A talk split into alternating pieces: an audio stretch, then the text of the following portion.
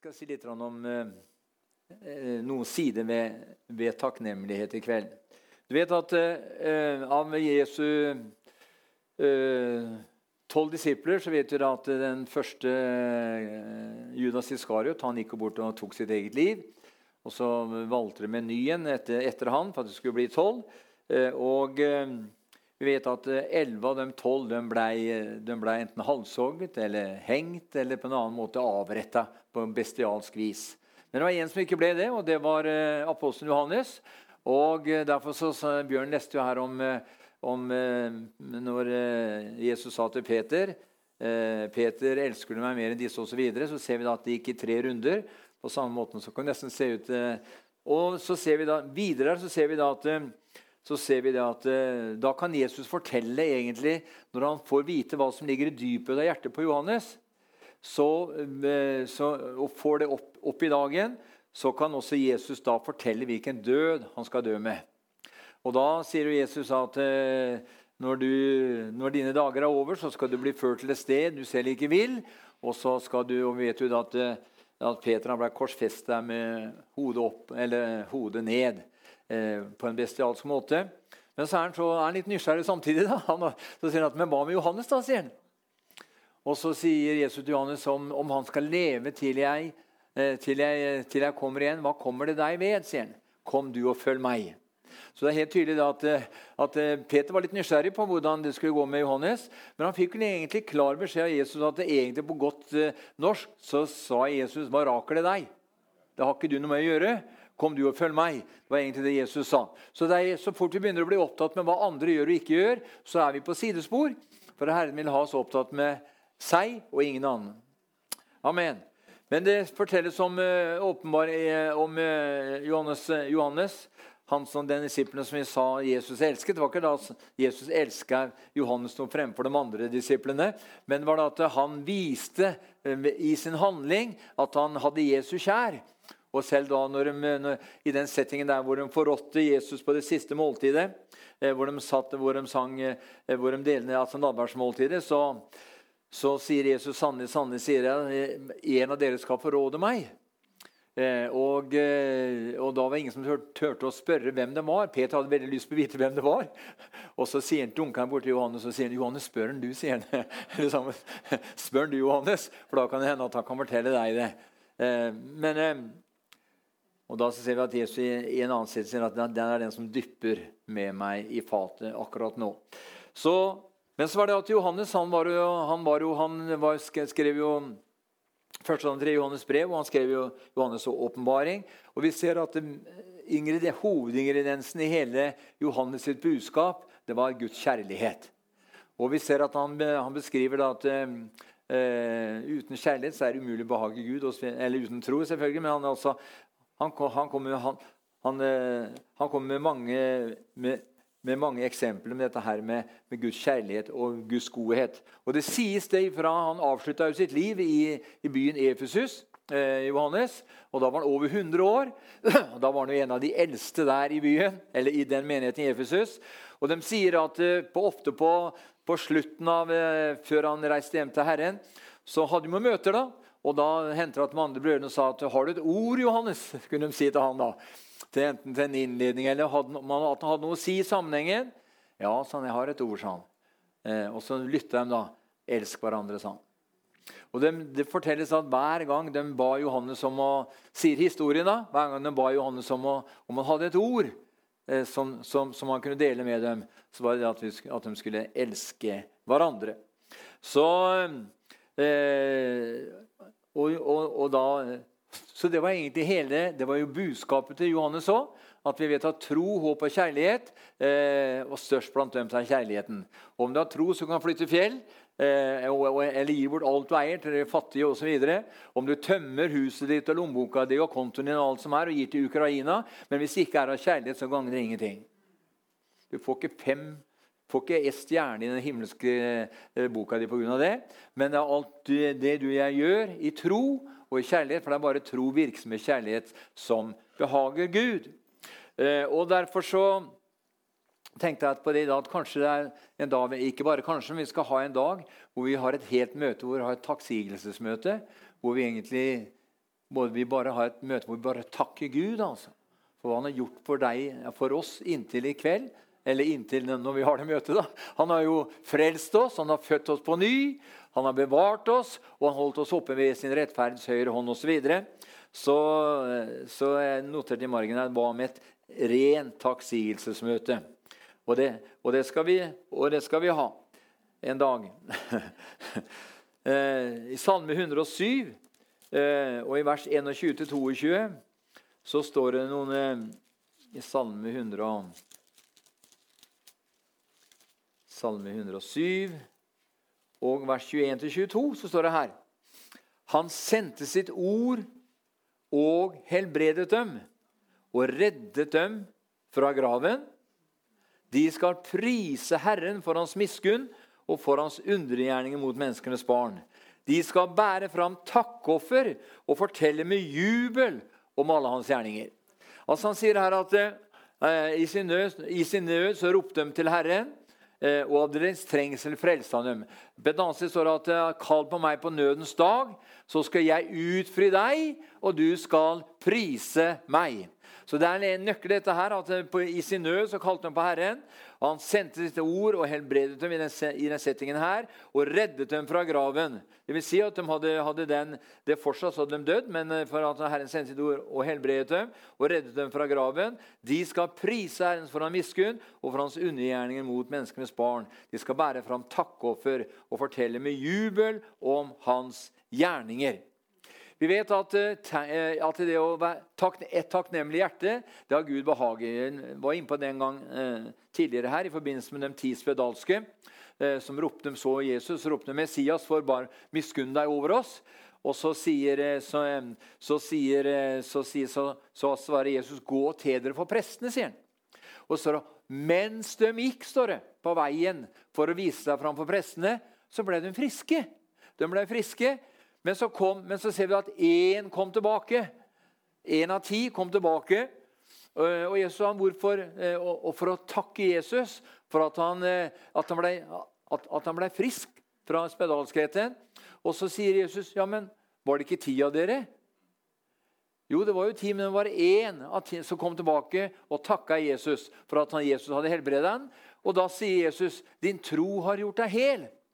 Og det verset der på grunnteksten betyr det at eh, hvis du hadde vært spedalsk i noen år, da, så har du kanskje mista noen negler, du har kanskje mista en øreflipp, du har kanskje mista en par tær, du har mista kanskje noen fingrer osv. Men uh, i det verset der så inkluderer det at når, uh, fordi at han takka, så sa Jesus din tro har gjort deg hel. Han fikk det eventuelt det som var av mankoer på hans legeme, det blei helt. Så hadde han bare to fingre, så fikk han plutselig fem igjen. Fordi at han i takknemlighet kom tilbake til Jesus og takka Jesus for at han hadde fridd dem, fridd dem fra spedalskheten. Vi vet at I USA så er det jo sånn, noe som heter thanksgiving. Det er faktisk eh, eh, Den siste torsdagen i november hvert år så er det thanksgiving i USA. Og der er liksom ofte så ser du gjerne presidenten da, som kommer med kalkun. Og eh, eller kommer til presidenten med kalkun og så, gir nåde for den kalkunen. altså for den leve. Men der kan du si da spises det kanskje hundretalls kalkuner på den thanksgiving-dagen eh, i den siste torsdagen i i, eh, i november i USA. Det er, altså, det er en takknemlighetsdag. Og, eh, og så vet vi det at eh, I tidligere tider var det også sånn eh, i altså Guds menighet at eh, var det ofte slik at de kristne holdt egne takke- og gledesfester. Og Kanskje noe av det har blitt borte nå i den moderne tiden vi lever i. Men det er det jeg tenkte på at vi skal ha en dag hvor vi skal ha en, en, en takknemlighet og eh, ja, et takknemlighetsmøte hvor vi skal prise Herren for hva Han har gjort for oss, og hva Han gjør, og at Han har bevart oss alle sammen inntil i kveld osv. Faktisk var det sånn at I Israel var det slik at de satte av en egen dag hvor de skulle takke Herren for at han hadde gitt dem materielle velsignelser Eh, i det nye landet, når vi kom inn i løfteslandet. Og etter at du og jeg ble frelst, så har vi kommet inn i et nytt land, vi òg. Vi har kommet inn i et rike som kalles Guds rike. Vi var en gang alle døde våre synder og overtredelser, men med troen på Kristus Jesus så har vi kommet ut av det gamle livet vi levde i, og så har vi blitt omplassert ved Den hellige ånd, og så har vi plassert i et nytt rike, nemlig det som kalles Guds rike. Amen. Vi har på en annen måte, for å si det på en annen måte, vi har altså gått over fra Satans rike til Guds rike. Og du skjønner bare det at, eh, at du og jeg ved troen har fått gått, gått over fra mørkets rike og til Satans rike. Eh, bare det er jo et voldsomt grunnlag for å leve i takknemlighet og prise Han som fridde oss ifra dødens vold. Vi var jo alle døde i våre synder og overtredelser. Ikke jeg, ser det. Jo, vi var alle sammen. Vi var alle sammen. Men så sa vi ja takk til Guds nådegave så fikk vi del i evig liv gjennom Kristus Jesus. Halleluja. Vi skal se på noen vers her at, eh, eh før delen av allmennkvelden skal vi se på noen vers litt på hva Guds ord lærer oss eh, vedrørende takknemlighet. I 1. Timoteus eh, Vi kjenner jo den verset her. Vi har 1. Timoteus eh, og eh, kapittel 2. Eh, første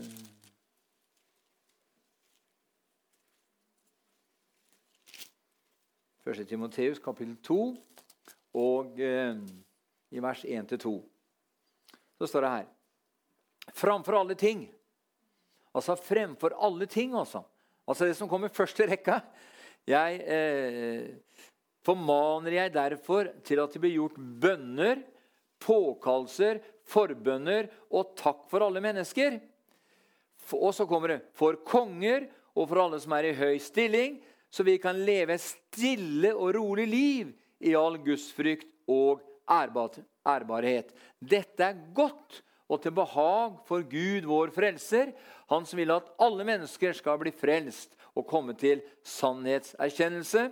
For det er én Gud og en mellommann mellom Gud og mennesket, mennesker, nemlig mennesket Kristus Jesus. Vi ser her at eh, fremfor alt skal vi gjøre følgende. Jo, vi skal Eh, vi skal, eh, vi skal bønner, påkallelser, forbønner og takk for alle mennesker. Så er dette spørsmålet hvem er alle disse menneskene. da? Betyr det at du og jeg skal be for alle de ca. 8 milliardene menneskene som bor på jorda i dag? Vi kan ikke begynne å sette et register på navnene på alle. Vi vil aldri bli ferdig. Da kan vi holde på til vi er døde. Vi hadde ikke blitt ferdig da heller. Det er ikke det det betyr. Det betyr egentlig det at eh, nei, du og jeg vi skal be for de mennesker, alle mennesker som Den hellige ånd viser oss. Ikke sant? Eller så kan jeg si, kjære Jesus, takk for at hele Norge blir frelst.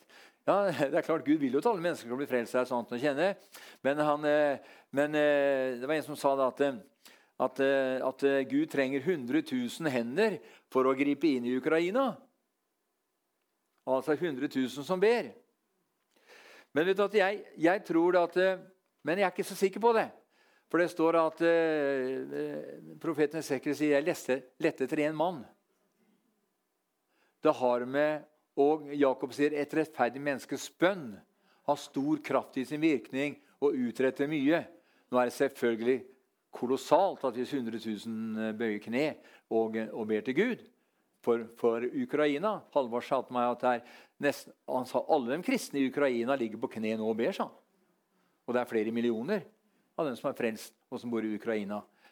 Og så kan man si at ja, men hvorfor, hvorfor, eh, hvorfor, eh, hvorfor, eh, hvorfor griper ikke Gud inn da, og så fjerner den ene eller, eller fjerner han som er årsaken til, altså, til altså problemet? Men vi må huske på at Gud har et større bilde av alle ting. Han ser alle ting, og han, han, han, han, er både i går og i dag, at evig tid den samme. Han er like Like godt som han er kjent med fortiden, er han kjent med framtiden. Så eh, Vi skal ikke, begynne, skal ikke begynne å stille spørsmål hvorfor skjer ikke det sånn og sånn. og sånn. Men vi vet bare at et rettferdig menneskes bønn har stor kraft i sin virkning og utretter mye. Og Jeg husker ikke om det var John Wesley som sa det, eller en av de andre. Han sa da at ja, men øh, skal vi, bare skal vi bare be, da? Bare fortsette å be? Vi skal be inntil svaret kommer, sa han. Vi skal bare fortsette å be. Ja, han sa, betyr, som jeg sa, Det betyr ikke at, at eh, be for alle mennesker. Det betyr at du og jeg skal be for de Den hellige ånd viser oss. Mens derimot landets ledere som jeg leste videre her, og alle andre i maktposisjoner skal vi først be for. Hvorfor skal vi be for disse først? Jo, Noen tror, noen tror at det er meg og min familie som er viktigst. Bjørn sa det så fint her at eh, Jesus sa 'Elsker du meg mer enn alle disse?' Ja, faktisk Da kom hele familien i rekke nummer to. Og bare det, vet du, at Jesus eh, Han krever ikke, men altså ved at han får førsteplassen det er på en måte, det er, det er, det er ja, Han kommer foran kona di og barna dine og barnebarna dine. Og hvem kan si et ja på det? Jeg må stille meg spørsmål, Kan jeg si ja til det? Og da må jeg svare jeg håper av det. Men jeg må bare, må bare vite da at Jesus er nummer én. Og her ligger hele kjerna i et overgitt liv som kan føre til seier og gjennombrudd en forandring som vi aldri tidligere har erfart og opplevd maken til. Altså Det er ismer. Eh, en isme det kan også overse, det kan også bety en avgud. Det er mange slags ismer. Vi har egoisme, f.eks. Det er jo meg det handler om, da. Ikke sant? Vi har katolisme. Altså Det er isme. Katolisme er en, er en avgud. Eh, ja, Men vi har protestantisme òg. Du kan bli så protestantisk at det går over til å bli en isme. ikke sant? Eh, og det kan bli sosialisme. ikke sant? Det er, det er like farlig det som kapitalisme. Det har sitt opphav denne, hos denne verdens fyrste, alt sammen. Og så kommer vi inn på alle andre ismer. da. Spiritisme og alt mulig rart. Men det skal vi la ligge. Men vet du at det er så viktig at vi forstår det. At som eh, Paulus sier i 2. Korinterbrev 5.15.: Vi tilhører ikke lenger oss selv, men vi tilhører Han som døde og sto opp igjen for oss alle. Og Det er det vi har hatt på det, stort sett på alle disse bønnemøtene vi har hatt òg. At, eh, at, eh, vi må bli ferdig med oss sjøl. Og det er når vi blir ferdig med oss sjøl eh, var det Hansen i Haugen har skrevet om meg og hva mitt er jeg gjerne vil miste. vet du. At han vil gjerne miste for det sto i veien for å få komme inn i fullheten av den plan som Gud hadde for hans liv. Ja, men dette er radikalt, sier du. Ja, men evangeliet er radikalt. det for den som Ikke sant? Så, så Som jeg sa, derimot landets ledere og alle andre i maktposisjonen skal vi be for. Og hvorfor skal vi be for disse først, da? Jo, som jeg sa, Noen tror at det er min og familien som er viktigst. Det er det ikke. Nei, vil vi tekkes Gud, og det vil vi vel? Vi, vil vi ikke det? Vil vi tekkes Gud? Ja. Uh, så gjør vi det i den rekkefølgen Paulus her nevner. Ja, men Skal vi ringe til familien? Nei, det er ikke snakk om det. Selvfølgelig skal du be for familien din. Det er ikke det vi snakker om her. Men vi snakker om der Jesus må ha førsteplassen. For da vil alt det andre lykkes òg. Da, vil forholdet i familien og alt det vil bli helt perfekt. Men vi må sette Jesus først. Og Jeg for eksempel, jeg har, for, jeg har lett for å være litt kritisk til myndighetenes håndtering av saker og ting. Jeg må si det. Når jeg ser det grønne skiftet og, og, ser Italia og Tyskland nå som, er, eh, som, er, eh, som mangler, mangler, elektrisk kraft eh, Italia har kjørt sin kraftproduksjon fra borti 80-90 millioner tonn i år og ned til, ned til 20. Eh, og, dem, nei, nei, kjø, kjø, og resten i dag, det de trenger til, det importerer de fra Russland. Og så legger de ned atomkraftverk og gasskraftverk og alt mulig verk. og Samme gjør Tyskland. Og så sitter de der nå og så er, vi, er de desperate.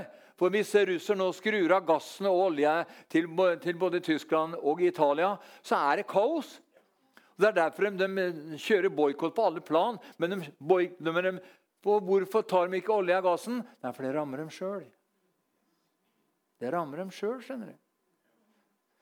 Eh, og derfor så blir det sånn at eh, og det, Sånt kan jeg bli litt irritert på når jeg ser hvordan grønne skiftet 20 og 30, hvordan de snakker og hvordan de holder på. liksom. Vi skal ha verdens, vi skal ha Norge som, vi skal ha verdens, eller eh, Europas høyeste strømpriser fordi at gassprisen har blitt så høy.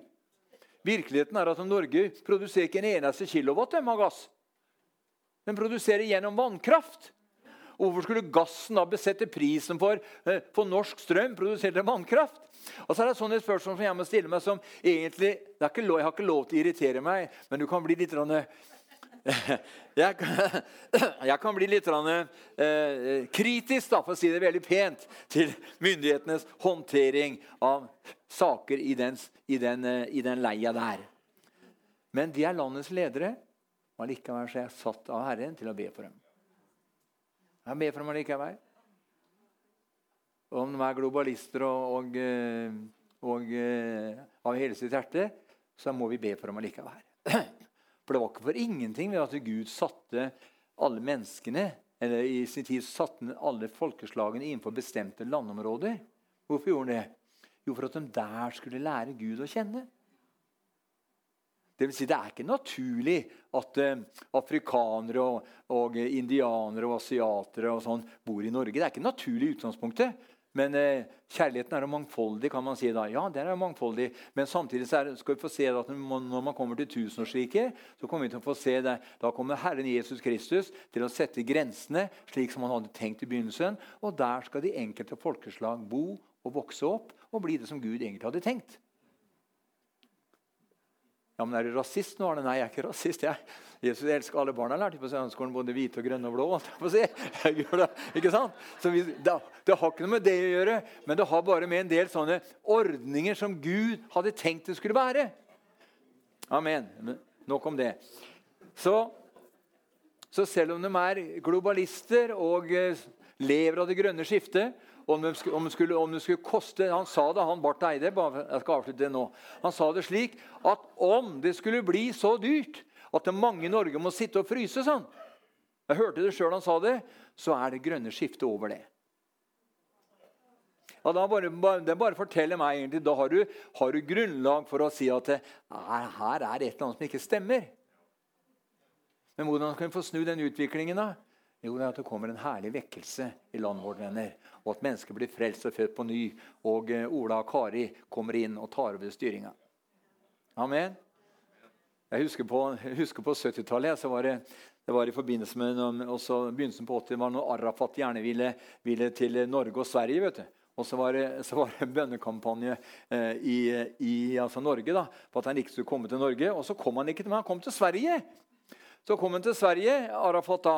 Og så husker jeg at en del brødre av Kjell Sjøberg og Sven Nilsson altså disse brødrene der, de la opp en plan at hvis det skulle krasje i Sverige, hvis myndighetene skulle krasje, eh, hvem skal da ta over? Så hadde de liksom plukka ut en del predikanter. og Han skulle være finansminister, han skulle være statsminister, og hun skulle være utenriksminister. og sånn. De hadde liksom en plan klar. Det ble jo aldri noe av det, da. Det ble aldri noe av det, Så det var vel kanskje å gå litt for langt. da. Men det var at de var liksom, de var liksom så, jeg husker Vi var i Malmö på, på slutten av 70-tallet. når vi etablerte den første moskeen i Malmö. Så var det sånn som Kjell Sjøberg gjengen, så skulle vi marsjere rundt den der tomta hvor de skulle bygge den moskeen. da. Og vi marsjerte rundt den, der, rundt den moskeen var, eller der den moskeen skulle ligge da, syv ganger. da. Og så liksom, gikk vi mot at, at den moskeen skulle bygge. Ingen, ingen moské her, liksom. Men en moské kom allikevel, den. Nok om det. Men eh, så Så du vet at det er, det er bare sånn at vi får bare, får bare For Jesus elsker alle. Ja, elsker muslimene òg, ja. I Midtøsten og så ser jeg store av skaren som blir frelst, er muslimer. Mange, det blir Tusener på hundretusen blir frelst av dem. Så Jesus døde ikke bare for oss oppe i nord eller borte i Vesten. Han døde for all verden. Han døde for oss alle, står det, mens vi ennå var syndere. Amen. Og han som, ikke er, han som ikke visste av synd, har Gud gjort synd for oss, for at hver den som tror på ham, skal få del i Guds rettferdighet. Amen. Så eksempel, hvis vi skal be for regjeringa, da, eh, så, så kan vi sende bønner. Vi skal bare ta Det her, det, var jo bønner, påkallelser, og forbønner og takksigelser. Eksempel bønner, så kan man ta et altså, eksempel. da. Herre, jeg ber om at din vilje må komme til uttrykk gjennom disse våre lands ledere, og jeg ber om at de må begynne å søke deg. Det er en sånn bønn du kan ha for, for landet, for bønner. Påkallelser. Jesus, eh, Jesus, jeg påkaller deg i dag og ber om at du frelser våre stortingspolitikere. Jeg påkaller ditt navn i dag og ber om at din herlighet må treffe vår nasjons ledere, slik at de får se hvem du er. Rekk ut din hånd, Jesus, så tegn under mirakler finner sted, og åpenbar deg du for dem i Jesu Kristi navn osv. Det er liksom påkallelser vi kan, vi kan ha. Påkallelser. Vi kan rope til Gud om det. Og f.eks. For forbønner. da. Eh, eh, Jesus, jeg ber om blodets beskyttelse over landets ledelse. Jeg ber om at din visdom må være i dem, og jeg ber om at du hjelper dem når de står foran vanskelige oppgaver. Eh, og ber om at de vedtar lover som er i overensstemmelse med din vilje. Og jeg ber om at de må være friske, sunne, raske og sterke og fulle av din visdom. Så vi kan be for dem. Og Det er klart at det er en utfordring å be for folk du liksom ikke er enig med. Men Bibelen sier at du skal gjøre det. Amen. Halleluja. Og takksigelse kan jeg si f.eks. Eh, så takker deg, far, for at vi fortsatt bor i et fritt land. Og takker deg for våre ledere. Takker deg for at jeg satt der av deg, og at jeg er gitt til oss for at vi kan be for dem og takke deg for dem, slik at din herlighet kan åpenbare seg, slik at din fred kan fylle landet vårt. Videre takker jeg deg, far, for at vi har fred i landet vårt i forhold til våre naboland, og at våre ledere viser vilje til å gjøre det beste for vårt land og folk i alle situasjoner osv. Noe av det som eh, ikke jeg, Nå er ikke jeg som, som, eh, som styrer i Norge her, men, det, men den bevilgningen så det at det med Ukraina-situasjonen, venner, det er Vi må bare være klar over én ting. Følelser er veldig sterke i krigssituasjoner og følelser ved å se bilder av nedbrente hus og bomba eh, forskjellige saker, så setter det følelsene våre i bevegelse. Og ut ifra våre følelser så kan vi fatte mange rare beslutninger. Og Derfor er det viktig en rettferdig. Han skal ikke leve av og med følelser. Nei, han skal leve av og med tro. Og jeg må si at For min egen del så jeg veldig, ble jeg veldig lei meg når jeg hørte det at eh, Norge hev seg på linja til Danmark og Sverige og skulle forsyne eh, Zelenskyj med, med, med, norske våpen, som vi har hatt en, eh, en gudgitt eh, avtale på i landet siden 1959, hvor Norge ikke skal engasjere seg og gi våpen til parter i krig rundt omkring i verden. Og Da spiller ingen rolle for meg hva Anniken Huitfeldt og Ine Eriksen og co. sier, og Jonas sier, at dette er jo en spesiell situasjon. Ja, Men alle krigervenner er spesielle situasjoner. Men, men det er altså gjort er gjort. Vi må huske på det at vi skal be vi skal ha fred med naboene våre. Ikke sant? Og vi har en svær grense i Finnmark og Troms mot, mot, Russland. Vi har stor grense, og vi har store grenser eh, mot Russland både når det gjelder i, både i, eh, i, eh, på, eh, på, ja, på, på i Barentshavet og oppover til Svalbard og hele området, så er det delt, av grenser. Det er veldig viktig at selv om hvis naboen driver og slåss, så bør ikke du og jeg begynne å slåss eller engasjere oss i den slåsskampen. Noe annet er at, eh, at, for du og jeg vi er i pakt, vet du, som er frelst på ny. Så kan ikke, Man kan ikke ta, trekke den sammenligningen overfor samfunnet. Men et samfunn som velger å tro på Gud Når Israel var, levde ut paktsavtalen sin med Herren, så var det ingen som kunne stå seg mot det landet. Det var ingen. Og Sånn er det, med, og sånn er det, og sånn er det, i, sånn er det i, i ditt og mitt liv. Og vi er i pakt med en som er større. Og hvorfor er vi i pakt? Jo, for i oss sjøl så makter vi ikke eh, makter vi ikke å stå løp alene, men fordi at vi er i pakt med Han som bevarer oss og holder oss oppe med sin rettferdighets høyre hånd. Han er også mektig til å, til å, til å sørge for at, eh, at, eh, du og jeg kan eh, slippe unna problemer og vanskeligheter. Og Det er derfor vi skal be. Vi leste det her i 40 minutter. Vi skal be for at det kan være så vi kan ha det fredelig. Ja, men Skal det ikke være krig i verden i som kommer? Jo visst er det krig, men, bygg, men vi bør ikke være delaktige i den, vel?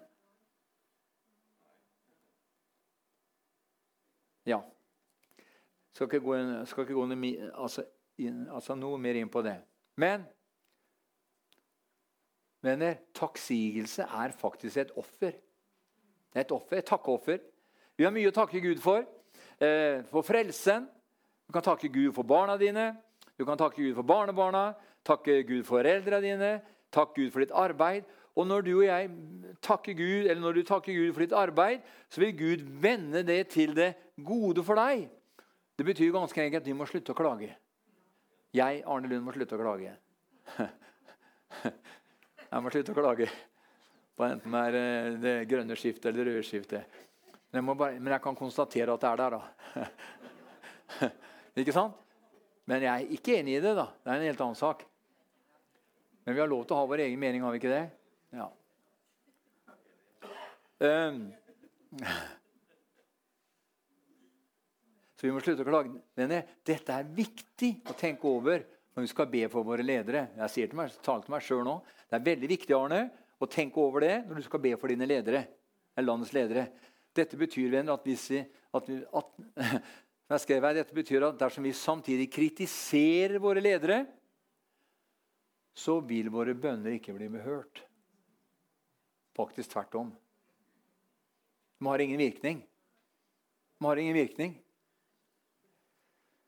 Og Hva er så hensikten med å be for landets ledere og de som har autoritet?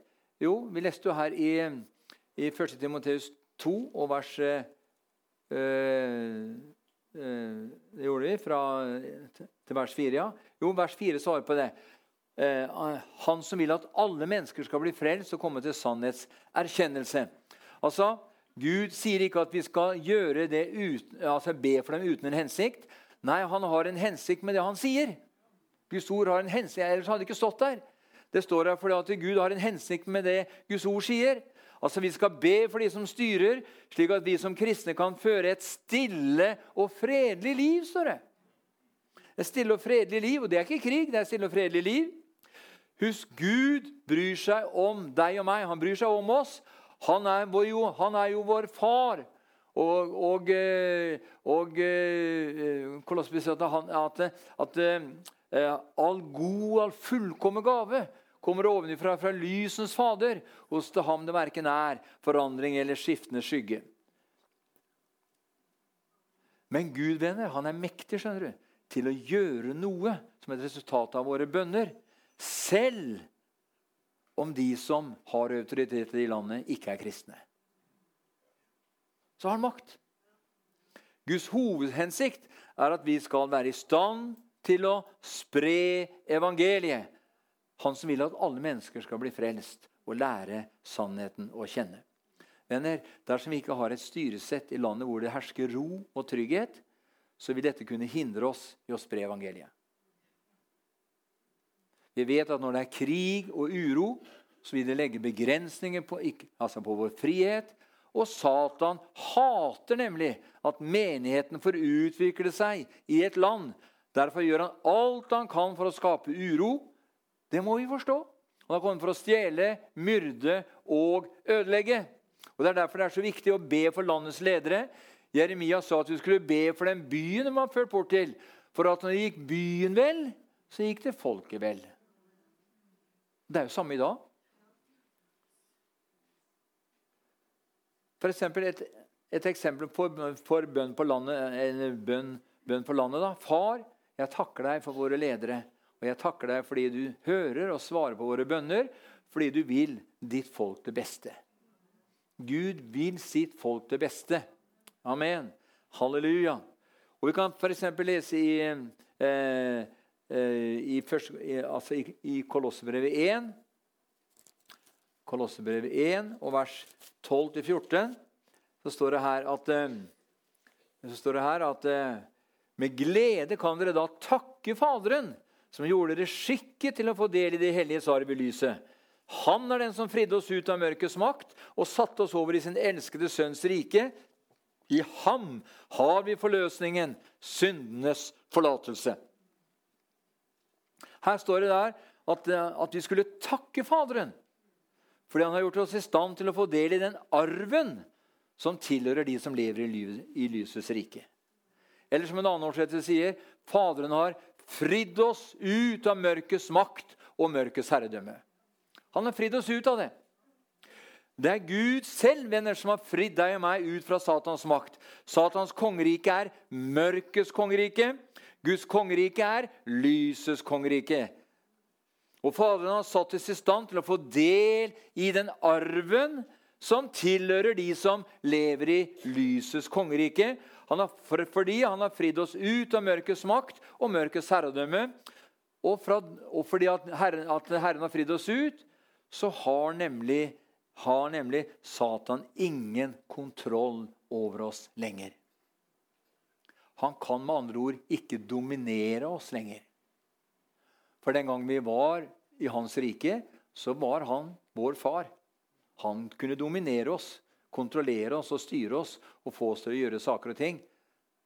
Ikke akkurat hva han ville, men han kunne få oss til å gjøre saker og ting som egentlig stred imot det som Guds ord taler om. Eh, og, eh, og eh, han, Og derfor har, og Etter at jeg ble født på nye, nye skapninger, så har egentlig han ingen makt over oss lenger. Og kan egentlig ikke dominere oss på noe som helst område lenger. Og Derfor må vi bli bevisst på det. Vi var en gang døde i våre synder og overtredelser. Vi gjorde mørkets gjerninger, akkurat som de som lever i mørket i dag. Men ikke nå lenger. Nå har jeg gått over fra mørket og til lyset, fra Satans makt og til Gud. Det betyr ganske enkelt at når du og jeg har gått over fra mørkets rike over til lysets rike, så har vi fått en som ingen vil slippe oss, ingen vil forlate oss. Han vil beskytte oss under alle livets forhold og livets omstendigheter. Og Det står faktisk at du skal takke Gud for det, sier han. Takk, Far, for at du har satt meg i stand til å få del i arven som tilhører de som lever i lysets kongerike. Takk, Far, for at du har fridd meg ut av mørkets makt Takk, Far, for at du har satt meg over i din elskede sønns rike. Faderen har gjort det. Han har satt oss over i sin elskede sønns rike. Og I Romerbrevet 6 eh, og i vers 14 så ser vi her at eh, Romerbrevet 6 og vers 14 så står det her at eh, For synden skal ikke herske over dere, for dere er ikke under loven, men under nåden. Hva Implisitt, hva sier det verset her? For synden skal ikke herske over dere. Og det er én forutsetning for at synden ikke skal herske over oss. At vi ikke lenger er under loven, men under nåden. Det vil si at hvis vi er loviske og lever under loven, så begynner synden å få, herde med oss. Da begynner synden å kunne herske i våre liv. Men så lenge vi er under nåden, vi har tatt imot Guds nådegave, som er evig liv i Kristus Jesus, og da og blitt født på ny, fra da så kan ikke lenger synden herske over oss.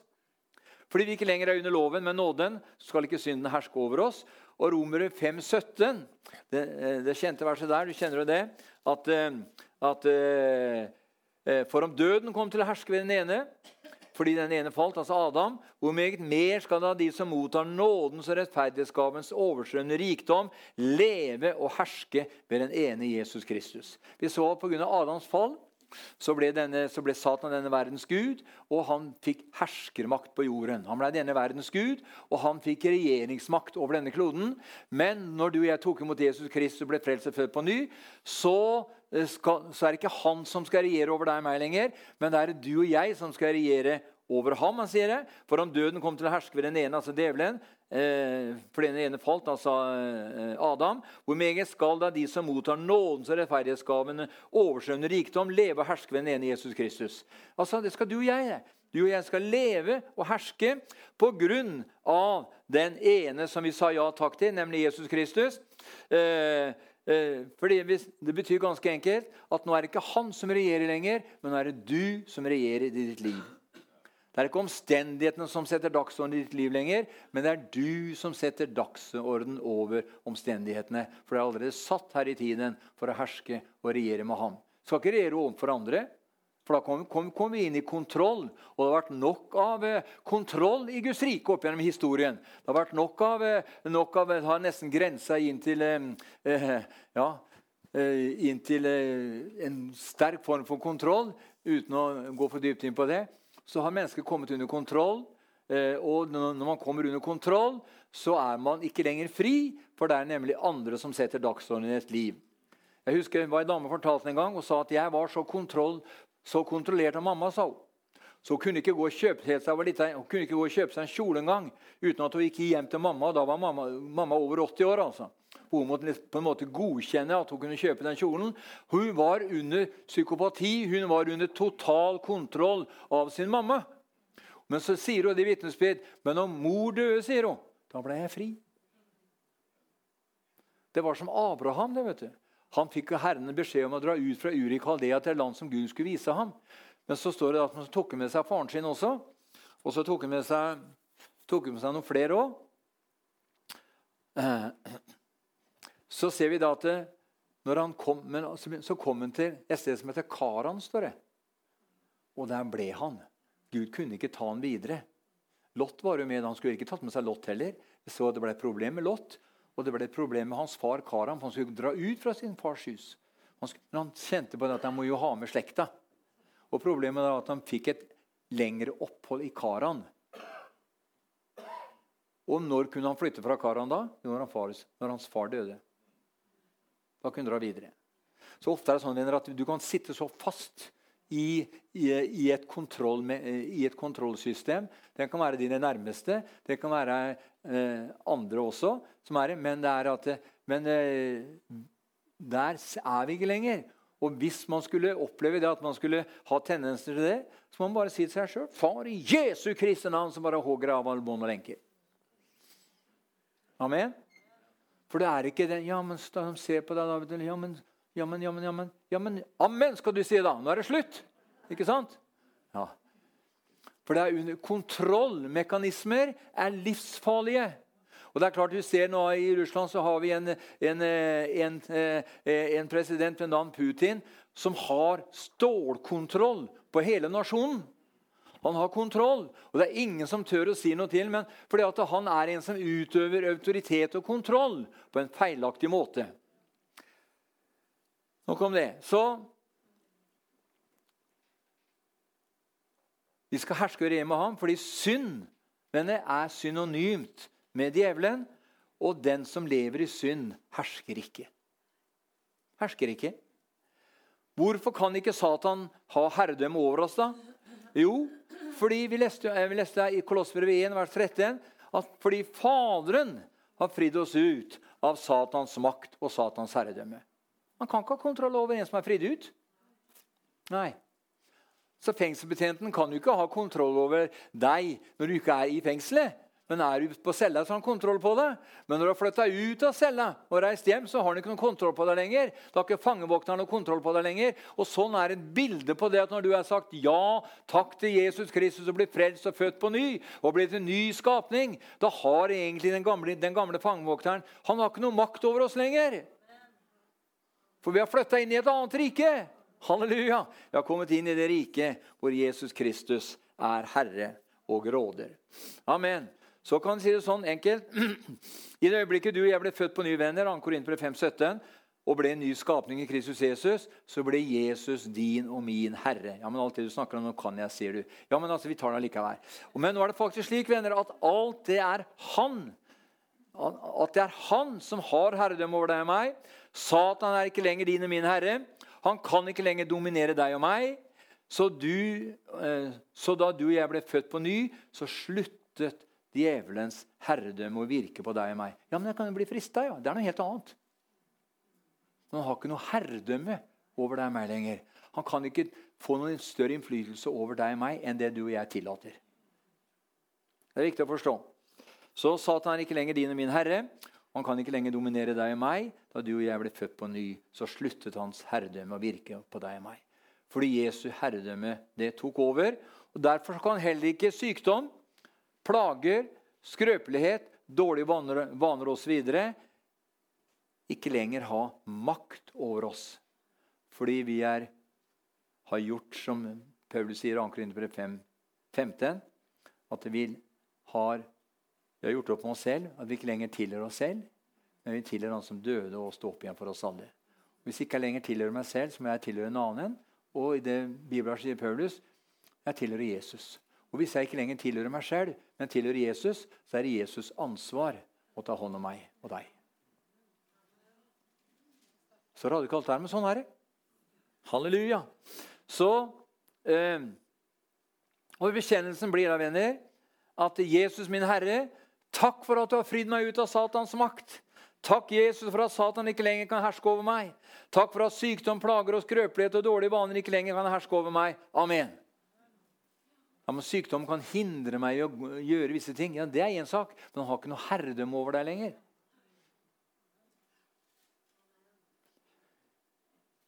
Og i, i Kolossbrevet 1, og i vers 12-14, leste vi i stad her at vi skal takke Faderen for at forløsningen er ved Jesus. Det vil si, og vers 14, det vil si syndenes forlatelse ved hans blod. Og hva er vi forløst ifra? da? Jeg skal avslutte med det her. på nadveren. Hva er vi forløst fra? Jo, jo jeg er forløst ifra Galaterbrevet 3, 13. Han som eh, kjøpte oss fri fra lovens forbannelse. Men du og jeg har aldri vært under loven. Jødene kjøpte den fri fra lovens forbannelse. Men Og vi hedninger kjøpte oss fri ifra synden og dødens lov, som Romerbrevet 8 og vers 1-2 sier. Så er det ingen fordømmelse for den som er i Kristus Jesus. For livets ånds lov har i Kristus Jesus frigjort meg fra synd og dødens lov. Når trådte den loven inn i kraft? da? Jo, synd og dødens lov den trådte i kraft når Adam og Eva synda i Edens hage. Da trådte syndens og dødens lov. Og Herren han har, han har altså eh, eh forløst oss. Jødene har forløst fra, eh, fra lovens forbannelse. For vi har aldri vært under, under loven. vet du. Loven, den messianske eh, Toraen, det var for jødene. det. Og kun for de. Til og med Jesus sier at 'jeg har ikke kommet for å snakke til noen andre enn de fortapte for av Israels hus'. Og han sier til, til, til, til sine disipler de skal, skal ikke gå til fremmede bygder, men skal forkynne for de fortapte av Israels hus. Men så ser vi, noe, så, så ser vi ut i i tid, da det kommer til, eller, gått ti kapitler ut i apostelgjerne, så ser vi da at Peter han møter i Kornelius' hus. Så åpnes det en dør om at også hedningene er inkludert i evangeliet. Og så ser vi at Herren sender Paulus på banen, som er med og blir hedningenes apostel, som resulterer i at du og jeg er frelst og født på ny her i kveld. Amen. Så, eh, og Hva innebærer det at, at eh, jødene er satt fri fra, synd, eller, eller fra lovens forbannelse, og du og jeg er satt fri fra synd og dødens lov? Det innebærer tre ting. Vi er blitt satt fri fra åndelig død. Første Mosebok kapittel 2, vers 17. Det andre han har stått fri fra fattigdom. Det er ikke noe salig å være fattig. vet du. Nei. 5. Mosebok 1568. Og det tredje er at han har satt oss fri fra sykdom. 5. Mosebok 528, vers 15-68. Jeg leser ikke alle disse versene her. Men bekjennelsen blir da, da. Takk, far, for din store forløsningsplan som du sendte Jesus for å oppfylle. Takk for at jeg er frikjøpt fra død. Takk for at jeg er frikjøpt fra fattigdom. Takk for at jeg er frikjøpt fra sykdom. Takk, Far, i Jesu Kristi navn. Amen. Det var bare noen eksempler. Eh, så for at vi Takknemlighet, venner, hva han har gjort for oss. Hva han har gjort.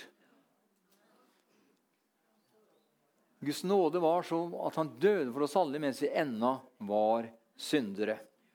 Halleluja. Priset være Jesu navn. Amen. Halleluja.